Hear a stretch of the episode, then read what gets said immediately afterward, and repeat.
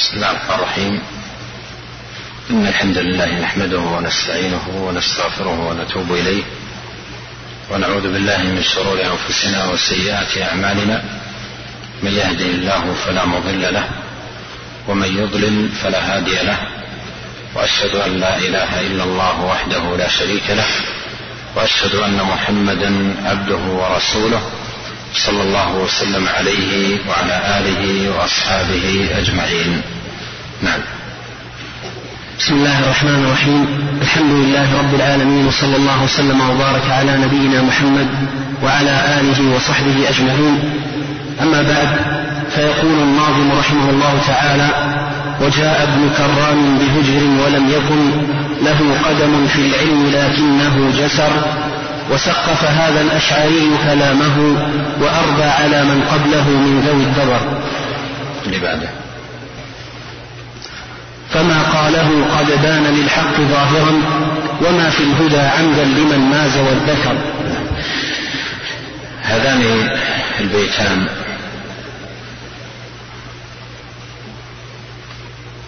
قول الناظم رحمه الله وسقف هذا الأشعري كلامه وأربى على من قبله من ذوي الدبر فما قاله قد بان للحق ظاهرا وما في الهدى عمدا لمن ماز والذكر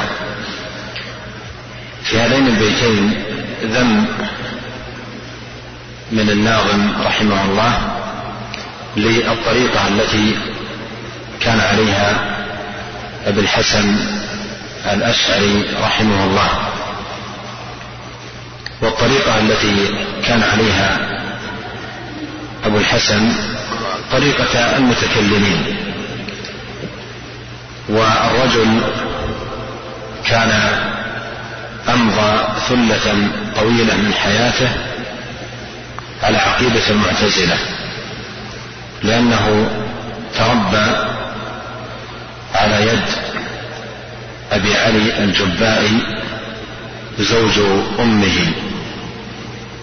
تربى على يديه وكان من رؤوس المعتزلة. فأخذ عقيدة الاعتزال منذ صغره ونعومة أظفاره ونشأ على الاعتزال إلى أن بلغ عمره أربعين عاما وهو على هذه العقيدة.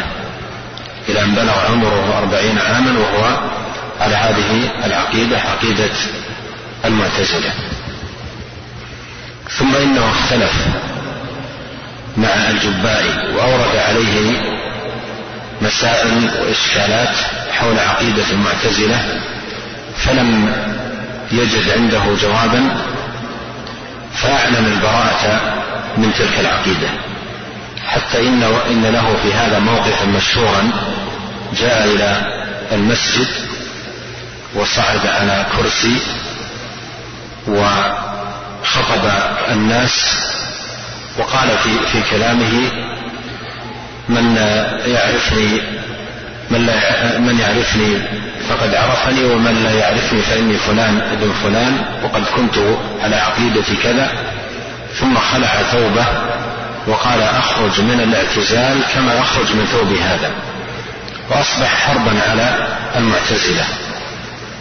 يرد عليهم ويبطل شبههم ودلائلهم.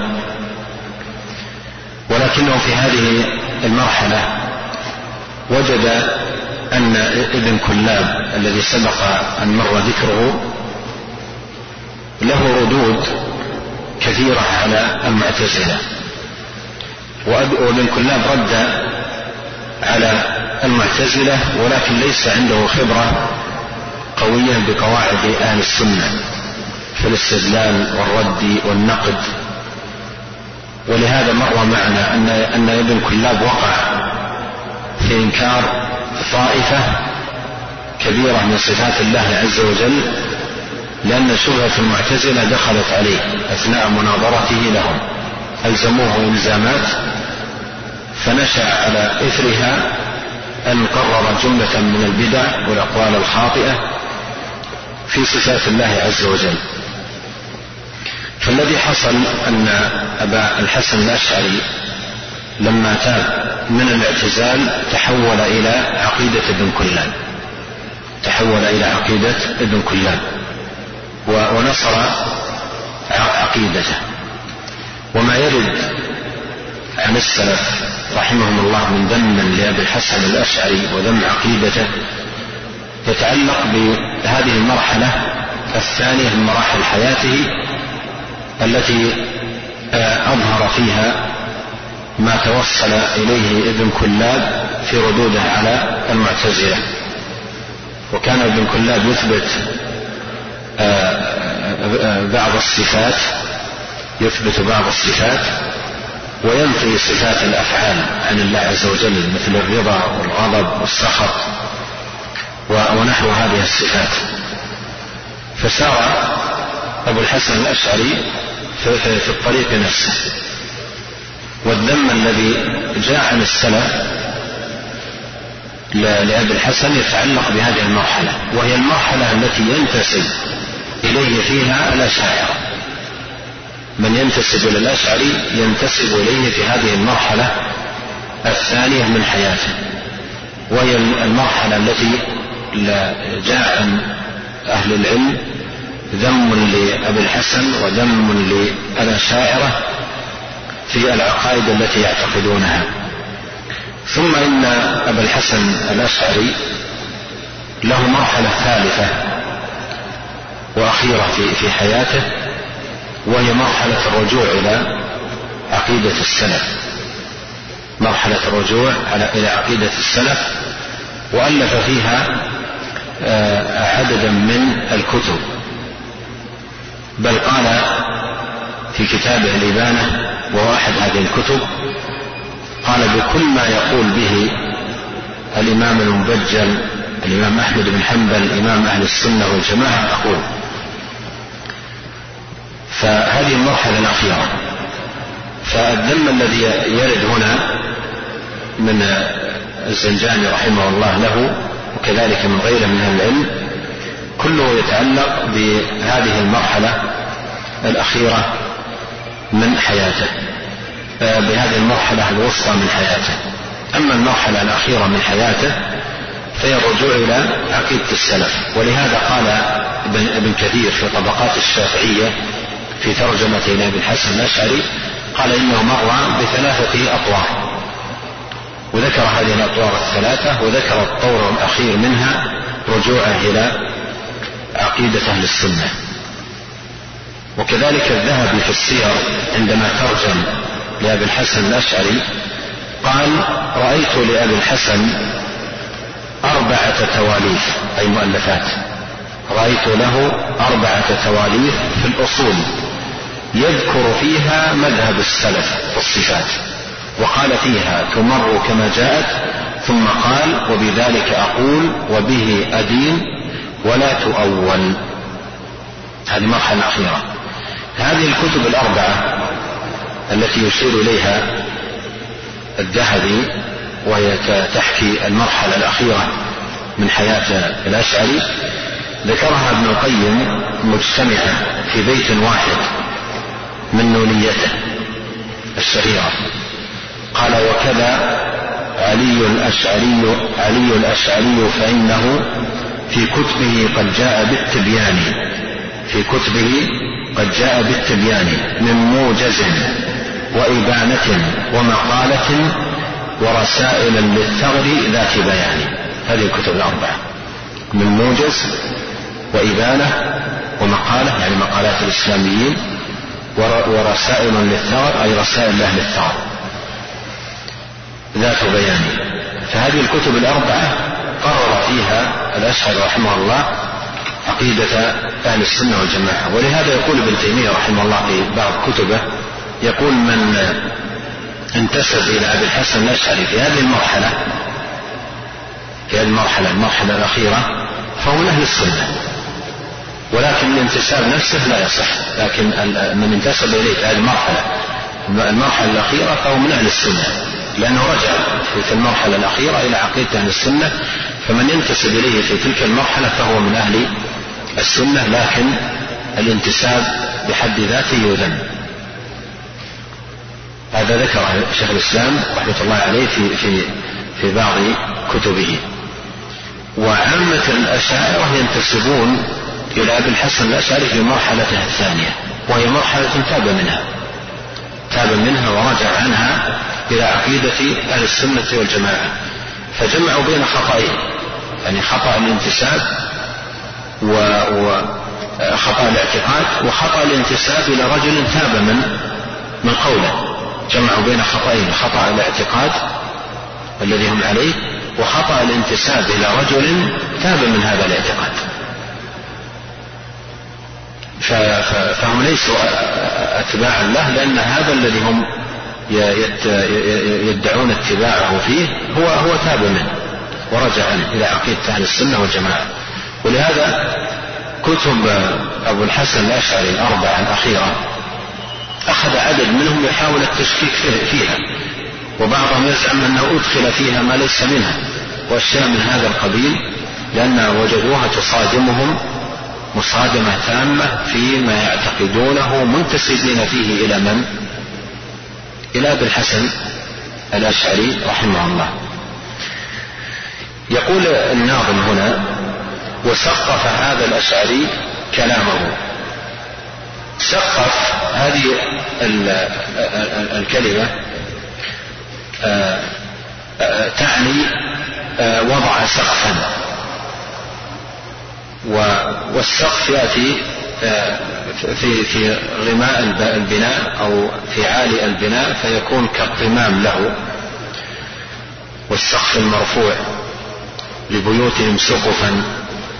فالسقف معروف فيقول سقف هذا الأشعري كلاما يعني كأن كأن الناظم يشير إلى أن هؤلاء وضعوا بناء بناء للبدعة. وجاء هذا الأشعري وضع لهذا البناء سقف وأربى عليه. يعني جاء بأشياء عند من قبله من هؤلاء المتكلمين وأربى عليهم أي زاد أربى على من قبله من ذوي الدبر وأربى على من قبله من ذوي الدبر. يقولون في كتب اللغة دبر القوم يدبرون دبارا هلكوا وأدبروا.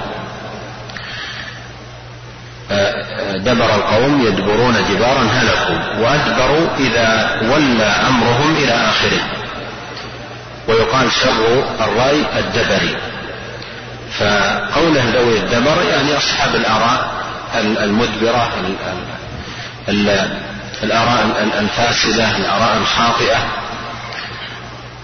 وهذا وصف لعلماء الكلام ولأهل البدع وصفهم الناظم بهذه الصفة. قال من ذوي الدبر. ثم قال كما قاله أي أبو الحسن قد بان للحق ظاهرا. أي بان فساده وخطأه ومجانبته للحق والصواب لأن الحق ظاهر. وما في الهدى عمدا لمن ماز والذكر. الحق والهدى ظاهر وبين لمن ماز يعني ميز بين الأمور. يقولون ماز الشيء ميزا وميزة فصل بعضه عن بعض. فلمن ماز بين الأمور والذكر أي اعتبر فهل من مدكر أي من متعظ ومعتبر؟ فمن ماز بين الأمور وفرق بين آه، آه، المختلفات وميز بينها عرف الحق من من الضلال. أي أن من ينظر إلى أقوال ابن الحسن الأشعري أي تلك التي تاب منها ورجع عنها ونظر إلى المعتقد الذي عليه أهل السنة وهو مبني على الكتاب والسنة يجد الفرق واضحا. لمن ماز والذكر. نعم. قال رحمه الله تعالى فبالله توفيقي وآمل عفوه وأسأله حفظا يقيني من الغير لأسعد بالفوز المبين مسابقا إلى جنة الفردوس في صالح الزمر.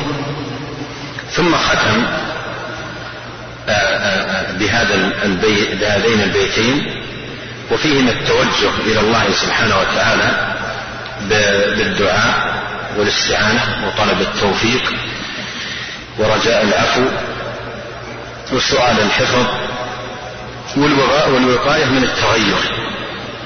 تغير الأحوال وتبدلها من الحق إلى الضلال فبالله توفيقي أي إصابتي للحق وسلامتي من الخطأ هذا بالله بعون الله ومده وما توفيقي إلا بالله. فبالله توفيقي أي لا أنال توفيقا إلا بالله فهو المعين وهو الهادي سبحانه وتعالى وهو الموفق. فبالله توفيقي. وآمل عفوه أي أرجو الله عز وجل أن يعفو عني. والعفو هو غاية المطالب. ومن أوتي العفو فقد أوتي الخير كله. من عفى الله عنه فاز بخيري الدنيا والآخرة. وآمل عفوه أي أن يعفو عني. وآمل عفوه وأسأله حفظا. أي أسأله أن أن يحفظني. حفظا يقيني من الغير. يعني حفظا على دينه والاستقامة على طاعته وثباتا عليه يقيني من الغير أي من التغير. عجب الله عز وجل من قنوط عباده وقرب غيره. يعني قرب تغيير للأمور. فالغير هي التغير. والمراد بالغير هنا تغير الأمور والأحوال من الاستقامة إلى ضدها من الهداية إلى الضلالة. فيقول أسأل الله أن يحفظني حفظا يقيني من أن أتغير وأن أن تتبدل حالي. فيتعوذ بالله عز وجل من ذلك ويسأله الحفظ. ثم يذكر نتيجة الثبات على الحق ولزومه والسلامة من التغير. نتيجة ذلك قال لأسعد بالفوز المبين. لأسعد أي لأكون سعيدا بنيل الفوز المبين أي الواضح البين الظاهر. الفوز العظيم لأفوز بالفوز المبين مستعدقا إلى جنات الفردوس. وهذا فيه إشارة من الناظم إلى أن المسابقة إلى جنات الفردوس تتطلب من المسابق صلاح المعتقد وحسن العمل صلاح المعتقد وحسن العمل فهو يسأل الله عز وجل أن يقيه من التغير وأن يثبته على الحق وأن يعفو عنه ليسعد وليكون مسابقا إلى جنات الفردوس في صالح الزمر. وسيق الذين اتقوا ربهم إلى الجنة زمرا. أي مع هؤلاء. مسابقا إلى الفردوس في صالح الزمر أي مع الزمر والأفواج الذين يساقون إلى إلى الجنة زمرا أي أفواجا أفواجا. فيسأل الله أن يجعله من هؤلاء أن يجعله من هؤلاء إلى جنة الفردوس في في صالح الزمر. ونسأل الله عز وجل له ولجميع علماء المسلمين ولنا أجمعين أن يحقق لنا ذلك. إنه تبارك وتعالى سميع الدعاء وهو أهل الرجاء وهو حسبنا ونعم الوكيل. قال الناظم في, تعليقه على هذين البيتين قال وأخبرنا عبد الوهاب بن عبد الله بن عمر المري بدمشق قال أخبرنا القاضي أبو سليمان محمد بن عبد الله بن دير الحافظ قال أخبرنا أحمد بن عمر بن يوسف بن حوصى الحافظ قال حدثنا نعيم بن حماد المرودي قال أخبرنا عبد الله بن المبارك قال سمعت سفيان الثوري يقول سمعت منصور بن المعتمر السلمي يقول كان بيني وبين علي بن الحسين بن علي بن أبي طالب رضي الله عنه إخاء ومودة واجتماع في طلب العلم ومذاكرته. وقت كنا شبابا بالكوفة فلما جرى عليهم من قدر الله ما جرى ورجعوا إلى المدينة وأنا مشتاق وأنا مشتاق وأنا شق نعم وأنا شق علي فراقه ولا طريق إلى قصده للفتن المشتبكة. فلما كان سنة تسعين من الهجرة رسخت لي نية في الحج. فتجهزت وخرجت في القافلة ووصلنا إلى عرفة مرهقين وأخذنا في أمر الحج. حتى فرغنا من نسكنا وقضينا تفتنا وانحدرنا إلى مكة وليس لي هم إلا السؤال عن علي بن الحسين والطريق إلى رؤيته. فقيل لي إنه حاج فاستدللت إلى منزله منزله فدللت عليه واستأذنت فأذن لي. فدخلت فإذا ابنه أبو جعفر محمد بن علي قاعد في جماعة يذاكرهم فقام إلي واستقبلني بالرحب وأقعدني إلى جنبه وفاوضني الحديث والشيخ في صفة أي غرفة يصلي. في مصلى له.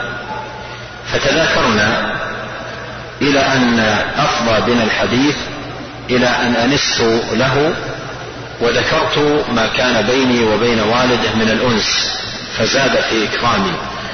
وقال أما إنه كثير الذكر لك.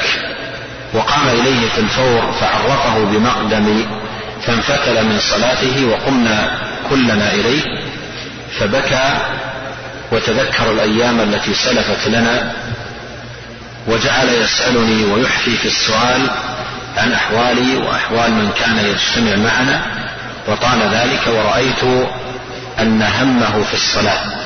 فقلت يرجع سيد سيدنا إلى ما هو فيه وأنا أذاكر هذا السيد أي الابن فقمنا من عنده ورجعنا إلى الصفة التي كنا فيها حتى دخل خادم لنا فلما رآه أغلظ له في القول وقال كم أقول لك إذا استعنتك في حاجة فلا تعرج على شيء غيرها فإنني متعلق القلب بك أي مشغول البال عليك. فقال يا سيدي حرب في المسجد الحرام على مجلس عطاء بن أبي رباح. فإذا بقوم من أهل العراق يحاجون أصحابنا الحجازيين في مسألة الإرجاء وقد علت أصواتهم فوقفت عليهم أنظر ما يكون منهم. فلما سمع أبو جعفر ذاك وحم لذلك وتغير لونه وقال إنا لله وإنا إليه راجعون مرات. فقلت له نحن بالعراق أكثر أوقاتنا في هذا الحال. نحن في العراق أكثر أوقاتنا في هذا الحال. يعني لماذا هذا التغير الشديد الذي حصل لك؟ وأراك قد عظم عليك. فقال إنما عظم علي لحديث حدثني به هذا المصلي وأشار إلى به. قال حدثني أبي الحسين بن علي بن أبي طالب رضي الله عنه. قال اجتمعنا عند أمير المؤمنين علي بن أبي طالب رضي الله عنه أولاده وأولاد أولاد أخيه جعفر وكان طيب النفس. فحدثنا ببدء الخلق وأن أول ما خلق الله القلم فأجراه في اللوح بما هو كائن إلى يوم القيامة ثم خلق العرش وأقامه على الماء وبعدها خلق السماوات والأراضين حتى انتهى إلى خلق آدم عليه السلام فأنزل, فأنزل إلى الأرض فجعله خليفته فيها وجعل له نسلا وهم سكان الأرض وأرسل في كل عصر رسلا مبشرين ومنذرين ليدعو الناس إلى التوحيد ويقيموهم على السبيل الأمر والنهي. فأجابه من منهم من أراد الله سعادته فلما فلم تزل كل أمة على بصيرة من دينها وبينة من أمرها ما دامت متمسكة بعهدها بعهد نبيها مقيمة على ما فارقته عليه حتى إذا أراد الله إهلاكها نبغ فيهم الآرائيون كل السياق الذي مضى من أجل هذا الموضع. قال حتى نبغ فيهم الآرائيون شياطين الإنس فاستزلوهم عن نهج أنبيائهم وزخرفوا لهم باطلا دعوهم إليه. فلم يكن لله فيهم حاجة فأهلكهم الله سبحانه وجدد للناس دينهم بنبي آخر. وإني أحببت أن يكون وإني حسبت أن يكون قد سارع إلى هذه الأمة هؤلاء الشياطين. واسترجاعي وما أنكرت لذلك. انتهت هذه الرواية وهذه تحتاج إلى أولا التحقق من ثبوتها ومعرفة صحتها ولم نقف لها على أثر في الكتب المتداولة. عن بحث لم يطول.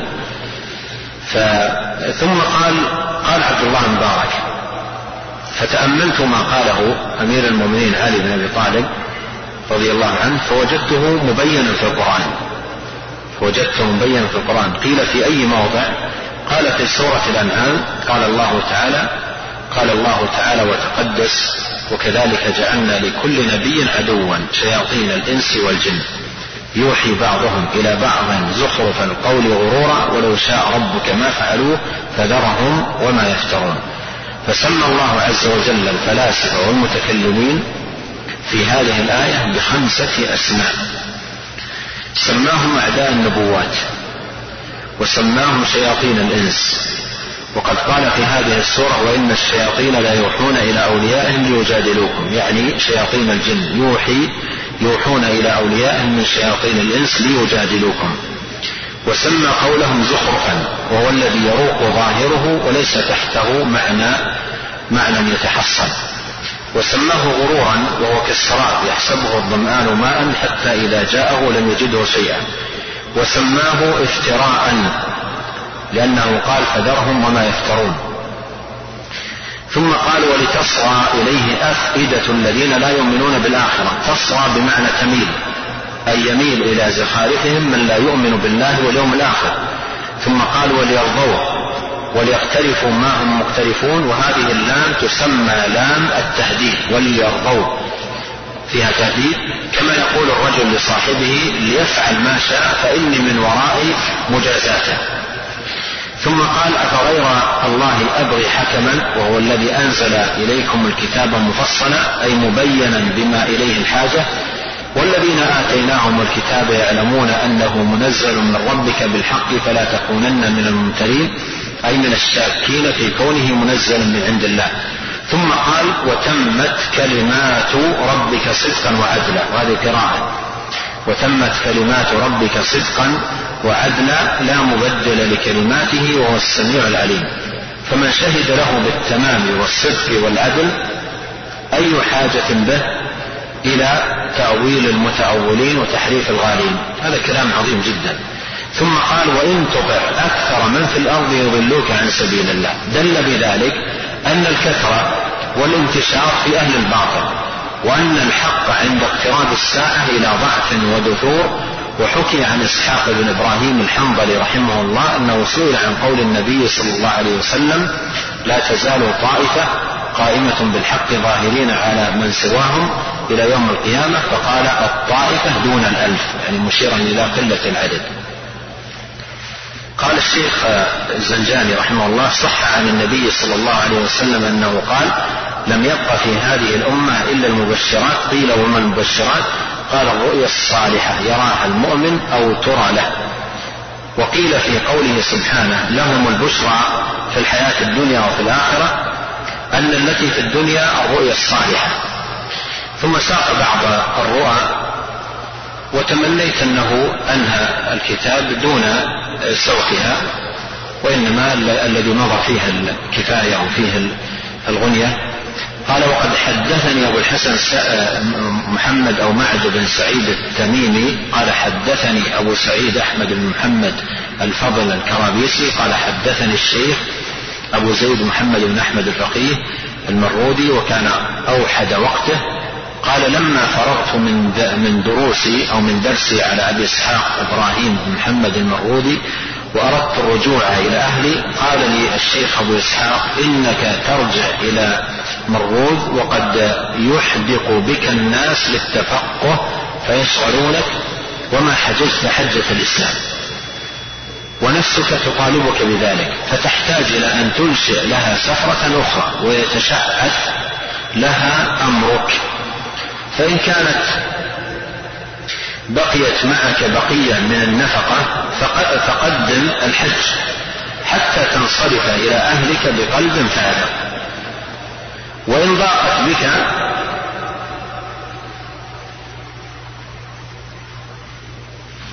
ف... وإن ضاقت بك فعرفني حتى أدبر لك. يعني إن ضاقت بك النفقة عرفني خبرني حتى أدبر لك. فقلت بقي معي ما أرجو أن يقوم بي فاكترى لي في وسط السنة وأوصاهم بي يعني أوصى أهل المركب بي وخرجنا قاصدين إلى المدينة. فوصلنا لأيام مضينا من رجب وأقمنا بالمدينة بقية رجب وإلى نصف من شعبان ونهمتنا بالزيارات إلى التي بها على ما في نفسي ثم خرجنا من المدينة وأتينا مكة بأربع بقينا من شعبان فصمنا بها رمضان وقضينا نهمتنا من الاعتمار وأقمنا إلى وقت الحج وسهل الله تعالى لنا الحج.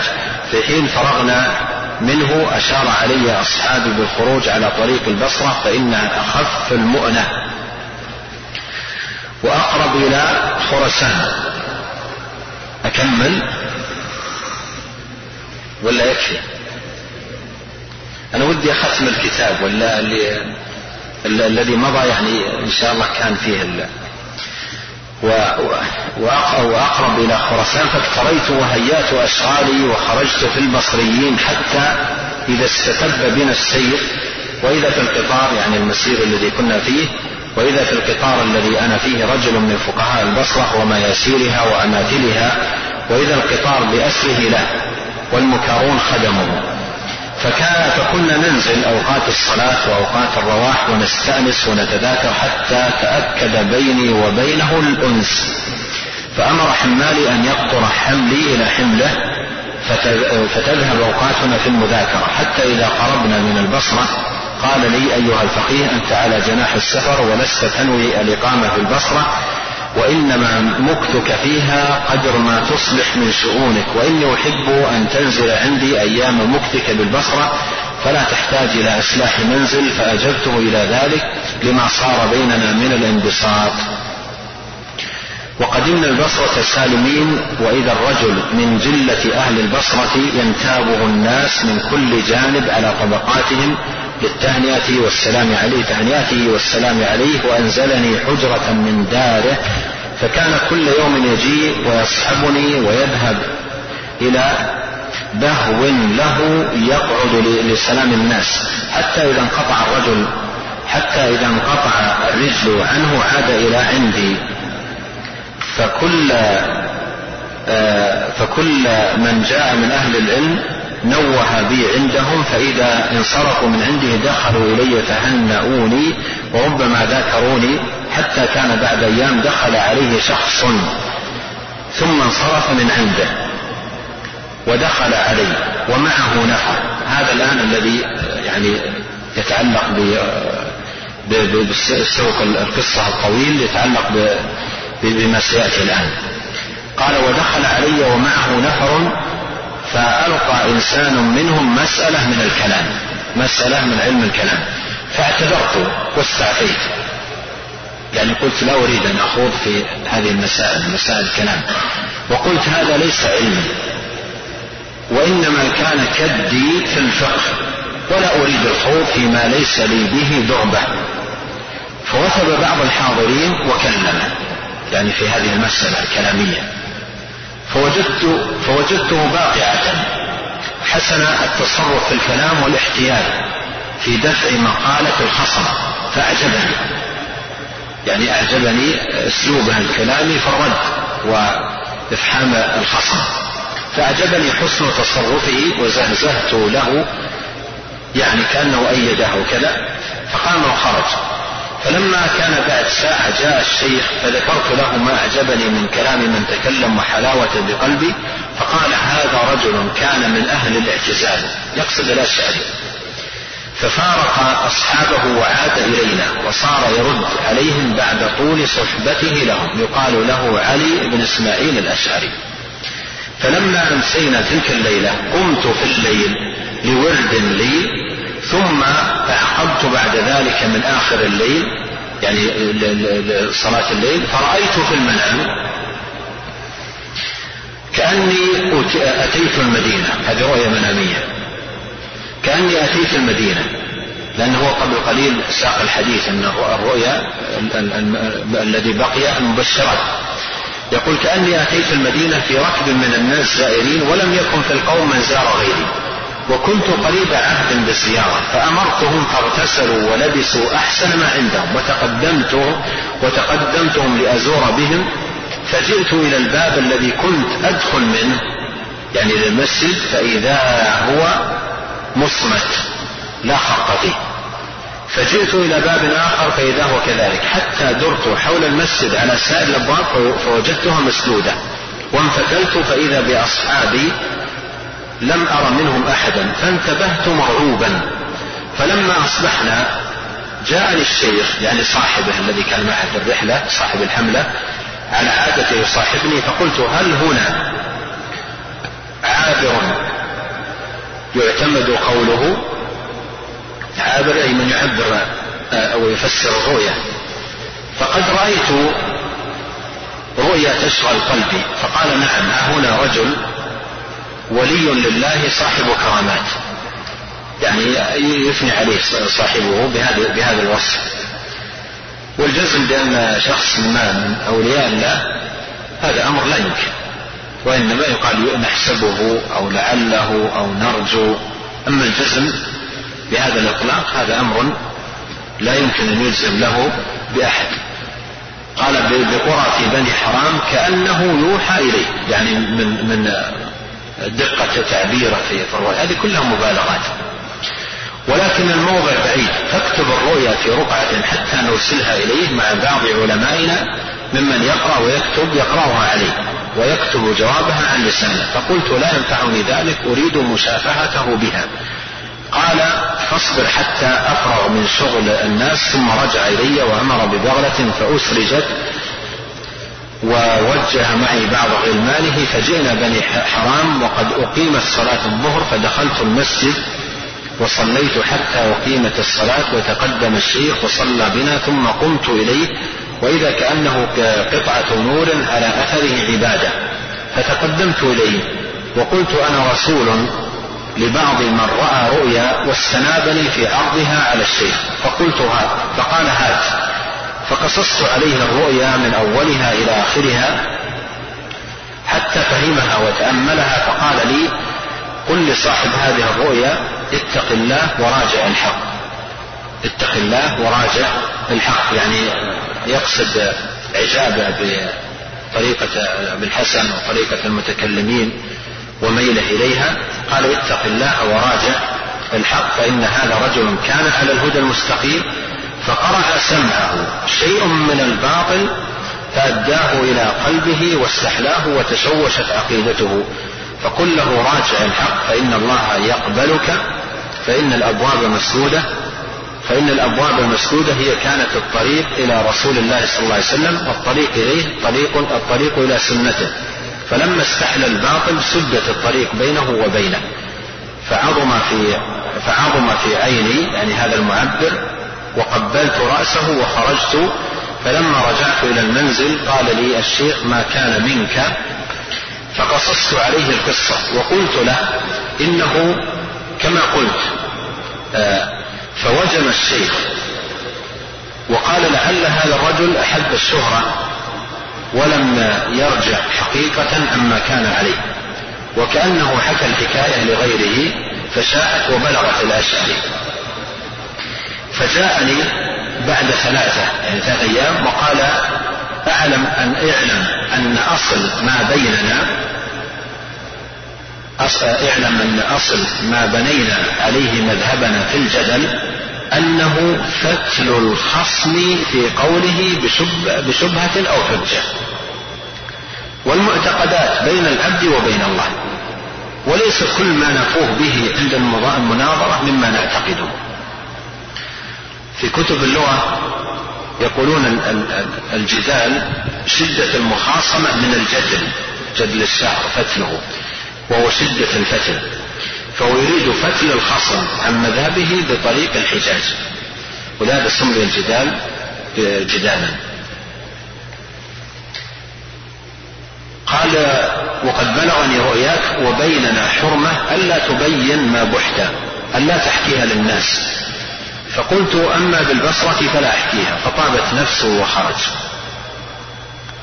قال الشيخ الزنجاني وحضرها هنا بمكة سنة نيف وثلاثين شيخ من أماثل أهل وسمى منطقة لما تمكن من قراءتها والمشهورين فيهم باليسار والديانة اسمه سلمان بن الحسن وكان من وكلاء التجار موثوقا فيهم. فتاب من التجارة فزهد وترك الدنيا على أهلها وأقام هناك في بعض المحاريب يتعبد. ثم حج إلى هنا يعني مكة والزنجاني مقيم في مكة وأقام سنتين فكان كثير العبادة لا يفتر فحكى لي عنه بعض شيوخي أنه صحبه في طريق العمرة فحكى له أنه رأى فيها فيما يرى النائم أن الناس يهرعون إلى المسجد الحرام فسألت ما لهؤلاء؟ فقالوا إن النبي صلى الله عليه وسلم في الطواف فأسرعت معهم وإذا هو صلى الله عليه وسلم قد فرغ من الطواف وقعد على على آه، صفة زمزم والناس يأتونه أرسالا فيسلمون عليه ويأخذون بيده. فجئت أنا في غمارهم وسلمت عليه وانصرفت عن يمين زمزم. عنه عن يمين زمزم. والناس وقوف. وإذا كهل عادي. من جنس البنات لا يواريه شيء. يجيء إلى كل واحد ممن يحضره يقول أعرني ثوبك أسلم على النبي صلى الله عليه وسلم ولا يجيب أحد إلى ذلك. وإذا بالنبي صلى الله عليه وسلم قد التفت إلى جهته ثم قال لا تعيروه ولا كرامة رجل أفنى أيامه في نقض ما جئت به من الحق. يريد أن يشبه على الناس بسلامه علي فطرده الناس. فقلت من هذا؟ فقال الناس هذا أبو الحسن الأشعري. هذا أيضا رؤيا ثانية ساقعة في في في حال أبي الحسن الأشعري. قال الشيخ الزنجاني فلما سمعت هذه الرؤيا ممن حكاها لي جئت عشية ذلك اليوم على عادتي إلى الطواف وإذا بهذا الشيخ في الطواف يعني صاحب الرؤيا فسألته عما حكي لي فصدق الحاكي فأشار لي إلى زمزم وقال لي أقعد هناك حيث قعد النبي صلى الله عليه وسلم حتى أخرج إليه. فخرج إلي فحكاها لي كما حكاها الحاكي وكانت المغاربة والتجار ممن قد عرف هذا الرجل في بلده يتمسحون به ويظهرون تبركا عظيما ويقولون هذا المتحقق بالزهد ومسألة التمسح والتبرك هذه مسألة سبق أن تكلمنا عنها في أول الدرس. آه، ويقولون هذا المتحقق بالزهد ترك الدنيا عن مقدرة واختار طلاق طلق العيش. قال حتى فشت عنه هذه الرؤيا لما أعلن هذه الرؤيا تغير موقفهم منه. يعني بدلا كانوا يمدحونه ويثنون عليه تغير موقفهم لما أظهر هذه الرؤيا التي رآها في أبي الحسن فانقلبوا عليه. فقالوا قد خسف دماغه. قد خسف دماغه لأنه يلزم نفسه بما لم يلزم يلزمه الله. وجاء ولده في ذلك الموسم وحمله إلى المدينة وذكر لي أنه مات ببدر رحمه الله. قال الشيخ آه، رحمه الله آه، الزنجاني فأردت أن أختم هذا هذا الكتاب بأبيات أنشدها أبو سعيد أحمد بن محمد بن حفص الأديب بإسناده ذكرها إلى الشافعي رحمه الله ثم أورد أبيات أنا أسوقها فيما يتعلق بهذه الرؤيا أو الرؤى لو أن المصنف رحمه الله أعرض عنها واكتفى ببعض العقائد التي يعرفها عن أبي الحسن الأشعري وذكرها وذكر مخالفتها للكتاب والسنة وربما يكون أيضا لم يبلغه المرحلة الأخيرة التي ذكر أهل العلم أن أبا الحسن الأشعري صار إليها في آخر حياته وألف فيها كتبا على جادة أهل السنة. وتلك الكتب الأخيرة التي ألفها لا تخلو أيضا من بعض آه، آه، المخالفات وهذا أمر يعني يتوقع لأنه أمضى عمرا مديدا في البدع الكلامية ثم رجع. لا بد أن يبقى عنده في كتبه آه، شيء من الرواسب والمخالفات. ثم ذكر الأبيات. قال ذهبت دولة أصحاب البدع ووهى حبلهم ثم انقطع وتداعى بانصداع جمعهم حزب إبليس الذي كان جمع. هل لكم بالله في بدعتكم من فقيه أو إمام يتبع؟ مثل سفيان أخي ثور الذي علم الناس خفيات الورع أو فقيه الحرمين مالك, مالك. ذلك البحر الذي لا ينتزع. أو إمام الشام أوزاعيها ذاك لو قارعه القرى قرع. أو سليمان أخي التيم الذي هجر النوم لهول المطلع. والإمام القرشي الشافعي ناصر السنة كالشمس طلع. قال ألحق هذا البيت بعض أهل العلم المتأخرين والبيتين والبيتان أيضا في ذكر أحمد أو فتى الإسلام أعني أحمد. ذاك حصن الدين إن حصن منع لم يخف سوطهم إذ خوفوا لا ولا سيفهم حين لمع يعني عندما وقف الإمام أحمد ضد آه، بدع المعتزلة وهذان البيتان أي الأخيران في ذكر آه، أحمد رحمه الله. أكثر هذه الأبيات وجدتها في شرح أصحاب الحديث للخطيب البغدادي وعزاها لأبي جعفر الخواص. وعزاها لأبي جعفر الخواص بما فيه أولها ذهبت دولة أصحاب البدع. وهنا نسبها آه، إلى إلى الشافعي رحمه الله. ثم قال الزنجاني تمت القصيدة بشرحها. تمت القصيدة ليست هذه وإنما قصيدته هو تمت القصيدة بشرحها.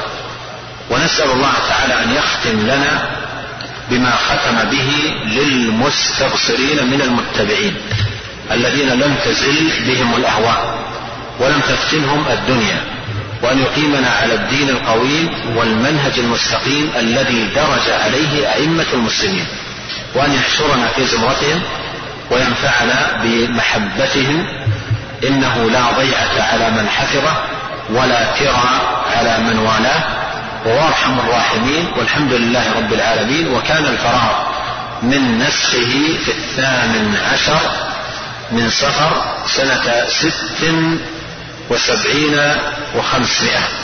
يعني هذا الناسخ للكتاب. قال سنة ست وسبعين وخمسمائة نفع الله به صاحبه وكاتبه والناظر فيه. آمين آمين رب العالمين. والله أعلم. وصلى الله وسلم على نبينا محمد. أحسن الله إليكم شيخنا وبارك فيكم. نفعنا الله بما قلتم. غفر الله لنا ولكم وللمسلمين أجمعين. يقول هذا السائل ما نصيحتكم لمن ينتسب إلى مذهب من المذاهب الأربعة المعروفة في الفقه؟ بينما هو يخالفه في أمور العقيدة. هذه مسألة تكلم عنها شيخ الإسلام. ابن تيمية رحمه الله كلام جميل في أول كتابه الاستقامة في أول كتابه الاستقامة وذكر في المنتسبين لبعض المذاهب من هو مخالف لمن هو منتسب إليه في العقيدة. بل يقول بأقوال مضادة لمن عليه لمن عليها من هو منتسب إليه. وبعضهم يذكر عن نفسه أنه مذهبه في الفروع كذا وفي العقيدة كذا. وكأنه لم يرضى مذهب من هو منتسب إليه في الفروع لم يرضى مذهبه في الاعتقاد. وهذا يعني أمر ابتلي به كثير من الناس ممن نشأوا إما على بدع كلامية أو على طرائق صوفية. وبعضهم جمع بين السوءتين فينتسب في العقيدة إلى مذهب كلامي وفي السلوك إلى مذهب صوفي وفي الفقه إلى مذهب من المذاهب آه، الأئمة. وهذا كله من آه، الضياع الذي بلي به كثير من الناس. وإلا فعقيدة الأئمة ومذهبهم ومسلكهم هو المسلك الحق. وهم على العقيدة الصافية المتلقاه من الكتاب والسنة والبدع الكلامية ذمها السلف بما فيهم الأئمة والخرافات أيضا ذمها السلف التي وجدت عند المتصوفة. فمثل هذه النسبة فيها نوع من التناقض من المنتسب حيث رضي قول إمامه في في الفروع ولم يرضى قوله في الاعتقاد فانتسب إلى غيره ممن هو مخالف لقوله. نعم. أحسن الله عليكم. يقول هذا السائل هل يجوز سؤال الناس عن معتقدهم في كذا وكذا؟ من أجل أن يبين لهم الصواب في ذلك خاصة وأنه في بلدنا كثير من الناس يخالف عقيدة السلف. بين بين لهم المعتقد ابتداء. بين لهم المعتقد ابتداء بالآية والحديث. تقرأ عليهم كلام الله عز وجل وكلام رسوله وتنشر فيهم تعظيم القرآن وتعظيم السنة وتنشر فيهم محبة الله جل وعلا ومحبة شرعه والرضا بكلامه وكلام رسوله عليه الصلاة والسلام وتمكن فيهم رد النزاع إلى الكتاب والسنة والاتباع للرسول عليه الصلاة والسلام توضح لهم هذه المعاني وتعرض عليهم الآيات التي تبين لهم صحيح المعتقد. نعم. أحسن الله عليكم. كثرت الأسئلة عن رجوع أبي الحسن الأشعري عن عن أقواله المخالفة للسنة. فهل من كتاب؟ هذه هذه مراحل أبي الحسن أشار إليها. عدد ممن ترجموا ترجموا ومنهم ابن كثير في طبقات الشافعية ذكر أنه مر بثلاثة أطوار. وكذلك الذهبي وقد نقلت كلامه. وغيرهم من أهل العلم أشاروا إلى هذا. والذين ينتسبون إلى أبي الحسن ينتسبون له في في الطور الثاني. في الطور الثاني. على أن بعض آه، يعني المحققين يقول أنه لم يمر إلا بطورين. لكن الذي أشار إليه جمع من أهل العلم أنه مر بثلاثة أطوار آخرها الرجوع إلى عقيدة أهل السنة. أحسن الله عليكم. آه هذا السائل يقول أين نجد ترجمة الزنجاني رحمه الله والأبيات الشعرية التي ذكرتها الآن؟ أي أبيات؟ الأخيرة الزنجاني له ترجمة في آه، سير أعلام النبلاء وله ترجمة في تاريخ الإسلام وله ترجمة في كتب كثيرة جدا. يعني يمكن إذا رجعت إلى تاريخ الإسلام وسير أعلام النبلاء وقفت على ترجمة أبي الحسن تقف على المصادر الأخرى في هامش لأن من طريقة محقق السير وكذلك محقق تاريخ الإسلام يذكر لك في الهامش مصادر عديدة. ففي مصادر كثيرة ترجمت للزنجاني يمكن أن تقف عليها في السير آه، عند ترجمة الزنجاني وأيضا في تاريخ الإسلام. تاريخ الإسلام مرتب على على الطبقات حسب السنوات ففي وفيات سنة 471 تجد ترجمة الزنجاني رحمه الله. أحسن الله عليكم. لعلنا نختم بهذا السؤال. يقول السائل تعرض علي بعض الهموم والغموم حتى أكاد أفكر في ترك الدراسة فبماذا توجهوني بارك الله فيكم أوجهك بالتوجه إلى الله عز وجل بالدعاء. يقول عليه الصلاة والسلام ما أصاب عبد ما أصاب عبد ما أصاب عبدا هم ولا حزن. فقال اللهم إني عبدك وابن عبدك وابن أمتك ناصيتي بيدك ماض في حكمك عدل في قضاؤك أسألك بكل اسم هو لك سميت به نفسك أو أنزلته في كتابك أو علمته أحدا من خلقك أو استأثرت به في علم الغيب عندك أن تجعل القرآن العظيم ربيع قلبي ونور صدري وجلاء حزني وذهاب همي وغمي إلا أبدل الله همه فرحا وفي رواية فرجا. وهذا الحديث اشتمل على أربعة أصول من حققها ذهب عنها الهم. الأصل الأول تحقيق العبودية لله عز وجل. أنا عبدك وابن عبدك وابن أمتك. والأصل الثاني الإيمان بالقضاء والقدر. ناصيتي بيدك ماض في حكمك عدل في قضاءك.